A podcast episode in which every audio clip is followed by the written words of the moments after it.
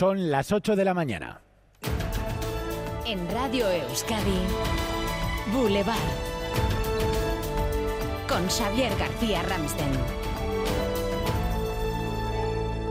¿Qué tal, Legunon? Lo primero ampliamos esa noticia de última hora que nos llega desde Santuchu. Detenido un hombre de 28 años acusado de asesinar a una mujer de 89 años con la que le unen lazos familiares. Bilbao, María Suárez. Sí, ha ocurrido en el barrio, en el barrio de Santuchu. Una víctima, una mujer de 89 años, ha sido encontrada muerta en una vivienda. Según el Departamento de Seguridad, presentaba lesiones de arma blanca. La Ertzaintza ha detenido a un hombre de 28 años de edad, familiar de la mujer. El arrestado se había dirigido esta medianoche a una patrulla en la vía pública, indicando que le había apuñalado.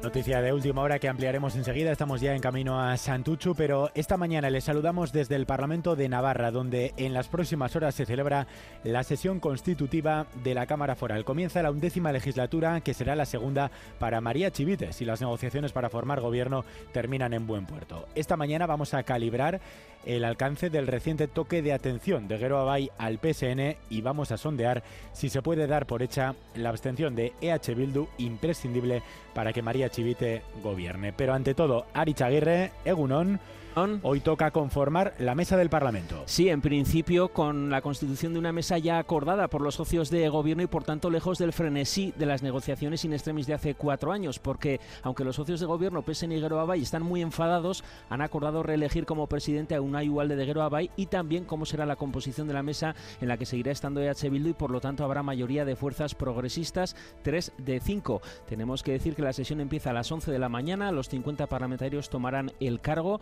26 hombres y 24 mujeres y después habrá las tres votaciones para elegir la mesa en un parlamento en el que por la ley de paridad si el presidente es hombre la vicepresidenta primera será una mujer y con siete grupos parlamentarios, uno más hasta que hasta ahora con la irrupción de Vox. Por este set de Radio Euskadi en el Parlamento de Navarra hoy van a pasar portavoces de PSN, Euskal Herria Bildu y Gero Abay.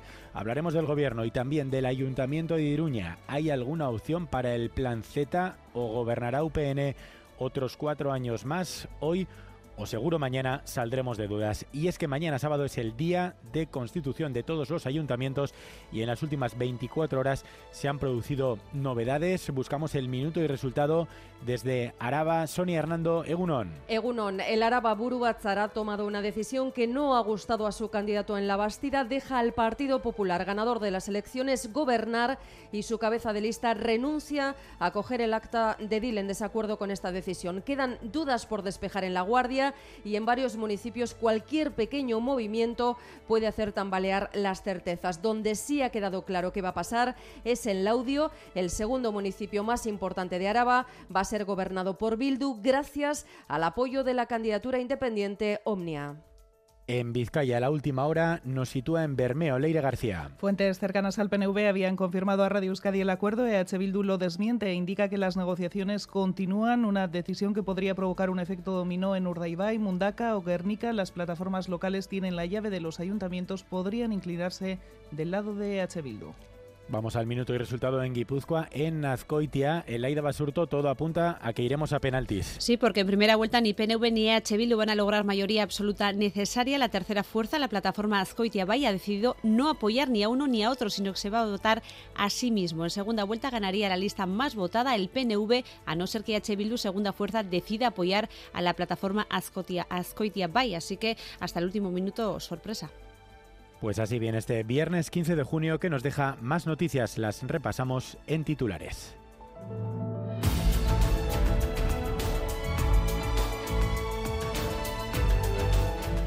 A lo largo del día de hoy está previsto que conozcamos el resultado del referéndum en Michelin. La plantilla vota sobre la última propuesta planteada por la dirección a los sindicatos que incluye una paga de 1.500 euros si se aprueba el convenio. El plazo de 72 horas finaliza hoy.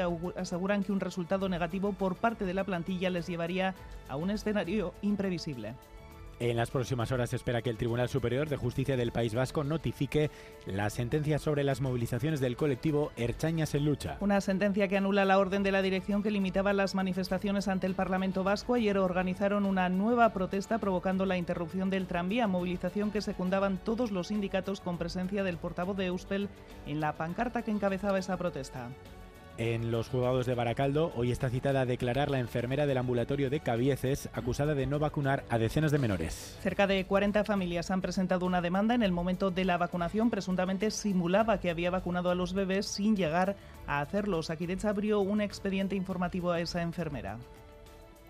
Y el Banco Central Europeo ha aprobado la octava subida consecutiva de los tipos de interés. Un cuarto de punto, un 0,25% hasta el 4% en julio. Durante la próxima revisión se prevé un nuevo incremento. El pasado miércoles en Estados Unidos, la Reserva Federal tomó la decisión contraria al frenar nuevas subidas. Y conexión con Vitoria Gasteiz porque ya ha comenzado el Askena Rock Festival Joseba Martín.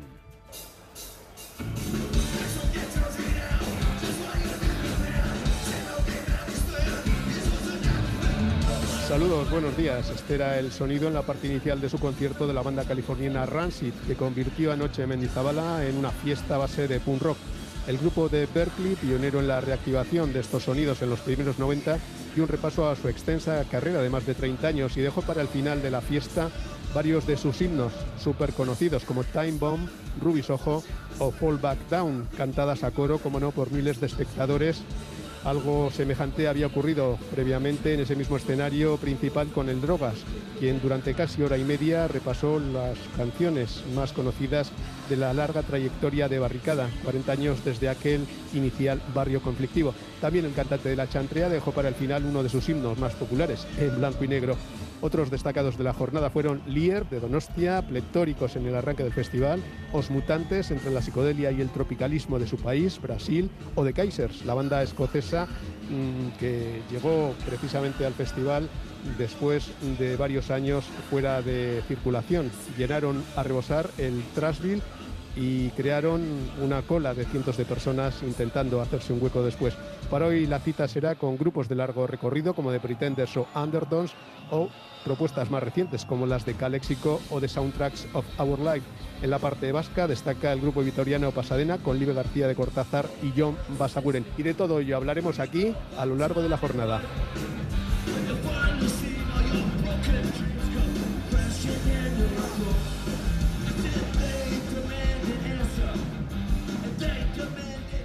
Tiempo ya para los deportes titulares con Álvaro Fernández Cadierno, Egunon. Egunon, música en Vitoria de la que escapa la Alavés, que viajará hoy a Valencia, donde mañana se juega el ascenso ante el Levante. Escucharemos a Luis García Plaza. Osasuna ha remitido a la UEFA la documentación requerida en torno a la sentencia por amaños del Tribunal Supremo, a la, espera de ver si pueden o no jugar la Conference. Tenemos también final de la Liga de las Naciones.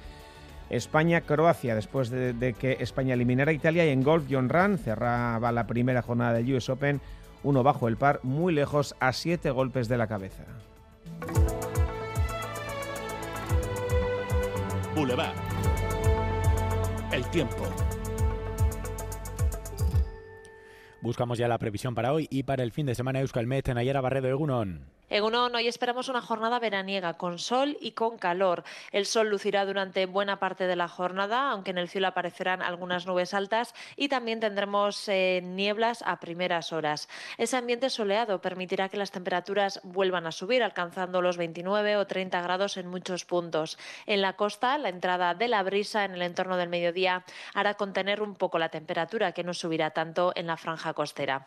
A lo largo de la tarde aparecerán algunas nubes de evolución y salvo algún chubasco disperso por la noche, en general hoy no nos dejarán consecuencias. De cara al fin de semana, sin embargo, el tiempo sí que se presenta más revuelto. El sábado será una jornada con más nubes y ambiente bochornoso, sobre todo en el interior, donde las temperaturas podrían subir un poco más que hoy.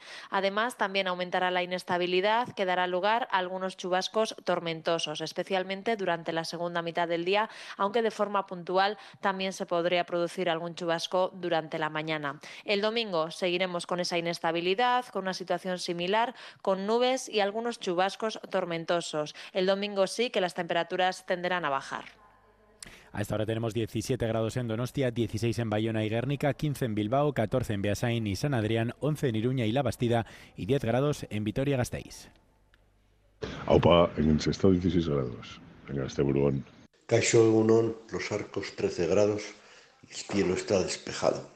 Aupa, agur. Egunon, Irunen, amaos grado. Hasta Urunesan. Sin problemas en carretera, según la información del Departamento de Seguridad y el Gobierno de Navarra. Ayúdanos a mejorar nuestra información con tus comentarios, fotos y vídeos. Envíalos al WhatsApp de Radio Euskadi 688 840 840.